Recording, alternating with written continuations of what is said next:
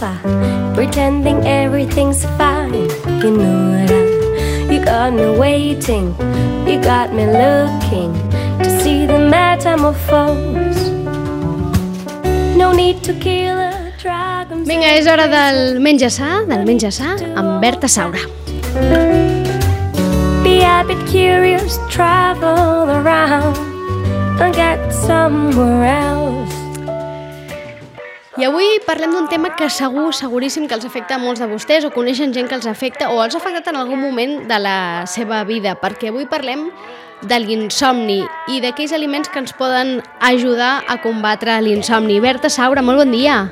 Hola, bon dia. Com estàs? Pri és el primer dia que ens trobem eh, d'aquest 2021, eh? Entre plens i històries vàries encara no ens havíem trobat. Han passat moltes coses i és veritat. Bé, doncs avui reprenem de nou el, el Menja Sant aquest eh, 2021 amb aquest tema, Berta, que entenc que és un tema bastant comú, eh? El de l'insomni. Sí, pràcticament gairebé tothom n'ha patit, sigui per nervis puntuals o, o per problemes o per estrès. Doncs parlem-ne, vinga. Insomni. Quan no parem de mirar les agulles del rellotge, sigui per dormir o sigui perquè ens aixequem a mitjanit. N'hi ha dos tipus d'insomni. Tenim el que és l'inicial i el terminal. L'inicial és el, el que ens costa posar-nos a dormir i, i el terminal és el que ens aixequem doncs, cap a les 3 o les 4 o ens aixequem abans que ens toqui el despertador, com si diguéssim. Sí? I ja no Aleshores- podem tornar a dormir, eh? És allò que quan et No despertes a les tornar a 3 i ja no hi ha manera de tornar a agafar la son. Vale, L'insomni és, és bastant difícil de detectar la problemàtica, perquè n'hi ha moltíssimes. Aleshores, per, per, n'hi ha no només alimentàries, sinó també psicològiques. Vale? I n'hi ha una que és molt important, que per mi és la més bàsica, que és la de cuidar l'intestí. Sabem que diuen que l'intestí és el segon cervell. Vale? Us explico una mica per què. Doncs el segon cervell és així perquè eh, en l'intestí hi segreguem uns neurotransmissors que van directament relacionats amb, a les, amb, amb el cervell. Val? Aleshores, si tenim un intestí que està inflamat, que està malmès, vale? hi ha una hiperpermeabilitat d'acord? En, aquest, en aquest intestí i hi entren toxines. Val? Aquestes toxines corren al torrent circulatori, a la sang, d'acord? I provoquen que no se sintetitzin aquests neurotransmissors. Val? Per tant, hem de cuidar molt, molt, molt l'intestí, bàsicament. D'acord? Seria una de les causes més importants. Eh? D'acord, doncs em, pa- parem atenció en això, eh? que l'intestí, que, que, que d'entrada potser no ho associaríem gaire a problemes d'insomni, doncs la salut del nostre intestí podria tenir molt a veure.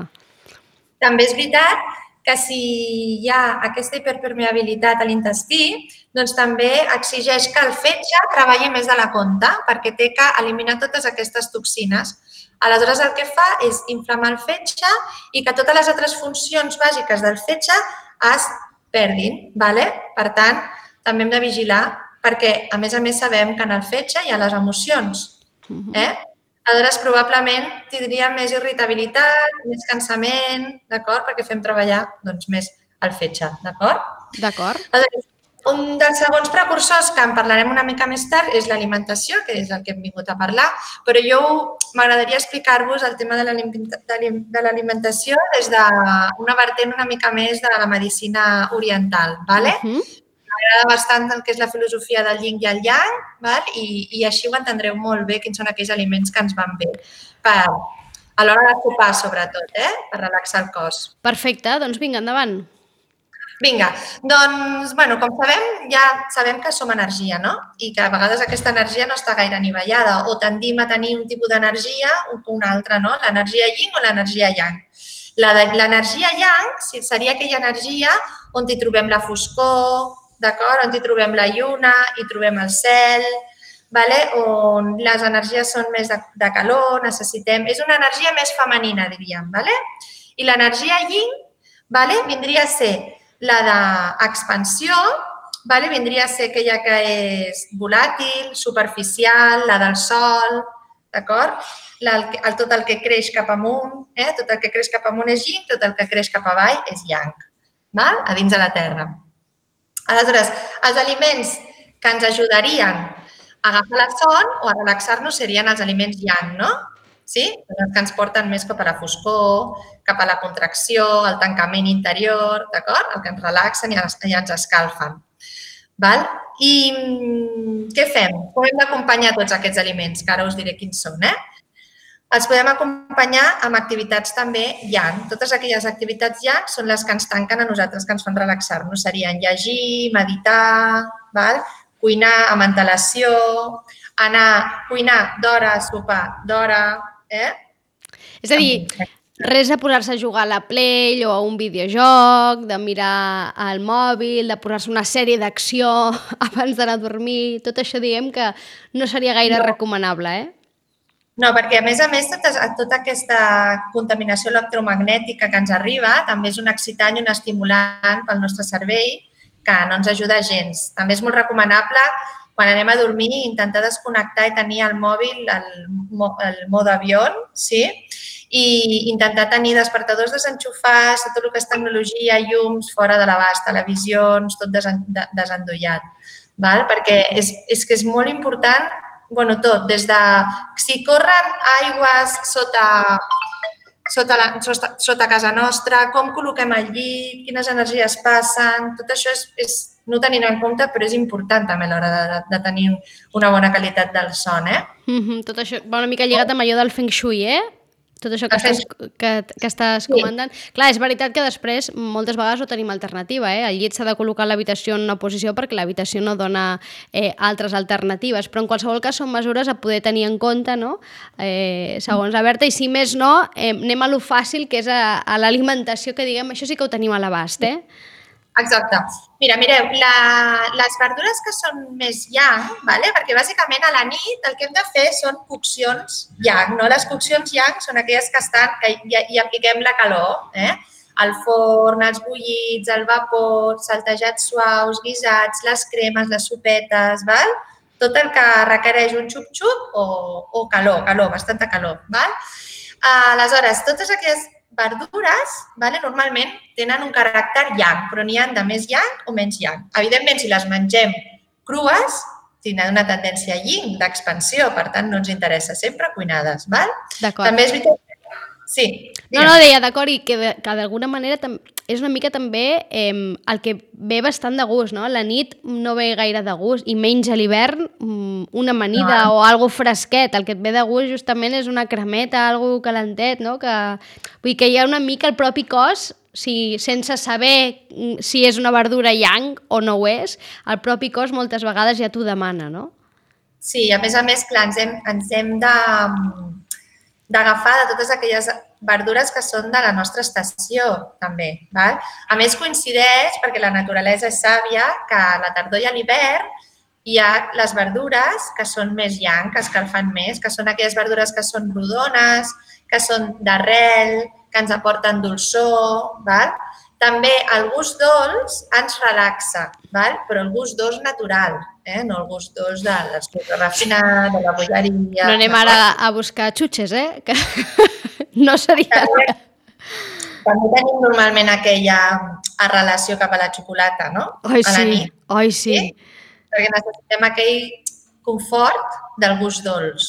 Doncs per no tenir aquesta necessitat de picar la xocolata, podem fer-nos, per exemple, unes verdures uh -huh. al forn que portin moniato, carbassa, carbassó, la xirivia, que la tenim molt abandonada i és una arrel que realment només utilitzem per, per fer caldos sí. i se'n poden fer xips de, al forn de, de xirivia. I crema, I jo, jo he fet cremes de xirivia i està boníssima. A més a més, és veritat que és un gust que no el tenim gaire associat a res perquè el fem servir normalment per fer el caldo i després fas una crema de xirivia i té un gust particular, eh? Boníssim també, però és un gust també particular. Sí, sí, sí, sí. Doncs la xirivia i el nap són realment aliments molt dolços i que ens aporten molta calor. Després, un aliment molt bàsic, la pastanaga, val? la tenim tot l'any, doncs és una arrel que també escalfa molt l'organisme i ajuda molt a, equilibrar el sistema digestiu també. Si us hi fixeu, totes aquestes verdures són molt digestives, eh? D'acord? Aleshores, és que no té secret, és simplement doncs, abast um, prendre més aliments cuits baixar totes el que són les proteïnes d'origen animal perquè ens acidifiquen l'organisme, sí? No ens interessa acidificar perquè quan acidifiquem lingiritzem, d'acord? Ens interessa lingiritzar. Sí, perdona. No t'amoïnis. No t'amoïnis, que la, és que la Berta ens atén sempre des del seu obrador a, a Vilanova i quan, ens, eh, quan aquesta estoneta que li robem, ella ja fa estona que està en marxa perquè, com saben, es dedica, bueno, es dedica a aquest món de la cuina i està ja fa moltes hores en marxa la Berta. I ara la, la, a més, avui tinc el meu fill per aquí i, i bueno, ja estava a la doncs, dient No t'amoïnis. Els fills i l'atenció als fills sempre ha d'anar per davant. Sempre. Per tant, no t'amoïnis. Si ho necessites, ho dius i... Acabem, acabem de solucionar el problema, cap problema. No, no resolució. Val, doncs, doncs el que us deia, no té, no té gaire secret, eh? Aliments cuits, cuinats, contra més calor els aportem millor. El meu, el meu millor consell és fer un, un forn a la nit, que és molt pràctic i molt net, sí? Una plata de verdures, a més a més, si te'n sobren, sempre les pots guardar pel tàper del dia següent. Eh? Pots barrejar amb arròs o pots barrejar amb fideus, el que sigui. Doncs, aleshores, eh, pràcticament un sopar que sigui pràcticament vegetarià, vale? faríem ou o peix com a proteïna i després aplicaríem també les proteïnes d'origen vegetal. Val? D'acord. Fruits secs, és un, el fruit sec és un aliment molt dolç, també, que ens ajuda molt a la nit a relaxar-nos i ens aporta que hi ha port de calç extra, que el calç també relaxa. Eh? Que amb el fruit sec, Berta, sempre ten... hi ha com molts prejudicis no? amb els fruits secs, que s'hi engreixen, que si menges, eh, que si fan mal de cap. Hi ha molts, eh, eh, com bastant, o, o sento que hi ha molts prejudicis amb els fruits secs i és un aliment que té un munt de propietats i que es pot afegir a un munt de plats, no? Sí, sí, sí, és un aliment, és, una, és un greix que és saludable. O sigui, no hem de... A veure, clar, si els fruits ens els prenem fregits i salats, clar.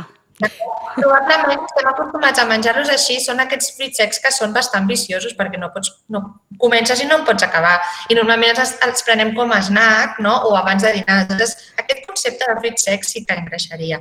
Però si els prenem naturals o torrats, entre hores amb una peça de fruita, evidentment que no. I tot el, seu, tot el que ens aportarà a nivell nutricional serà tan gran que no ens engreixarà i, a més a més, ens aportarà molts nutrients i s'assien moltíssim. Per tant, enganyen molt en les, en les persones que estan que volen baixar de pes perquè s'assien molt i et fan regular molt el sucre en sang. Per tant, per mi són fantàstics. Eh? Per tant, super recomanables els fruits secs, però atenció, quan anem al supermercat, si és que els comprem en un supermercat i anem a comprar fruits secs, mirem, eh, és a dir, aquestes bosses en què tot és sal, és, és, és pura sal, no? i que està tot ben salat i ben fregit, no és bé aquest el concepte. Eh? Doncs les anous, els anacars, i els podem comprar al supermercat o també es venen a granel a moltes botigues ara que es venen molt a granel i això també funciona eh, eh, molt bé. Però altament recomanables en aquests sopars que ens eh, recomana la Berta, sopars eh, calents, és a dir, cuinats, al, al, al forn, ja sigui al forn o sigui fent un xup-xup per eh, mirar d'aconseguir no?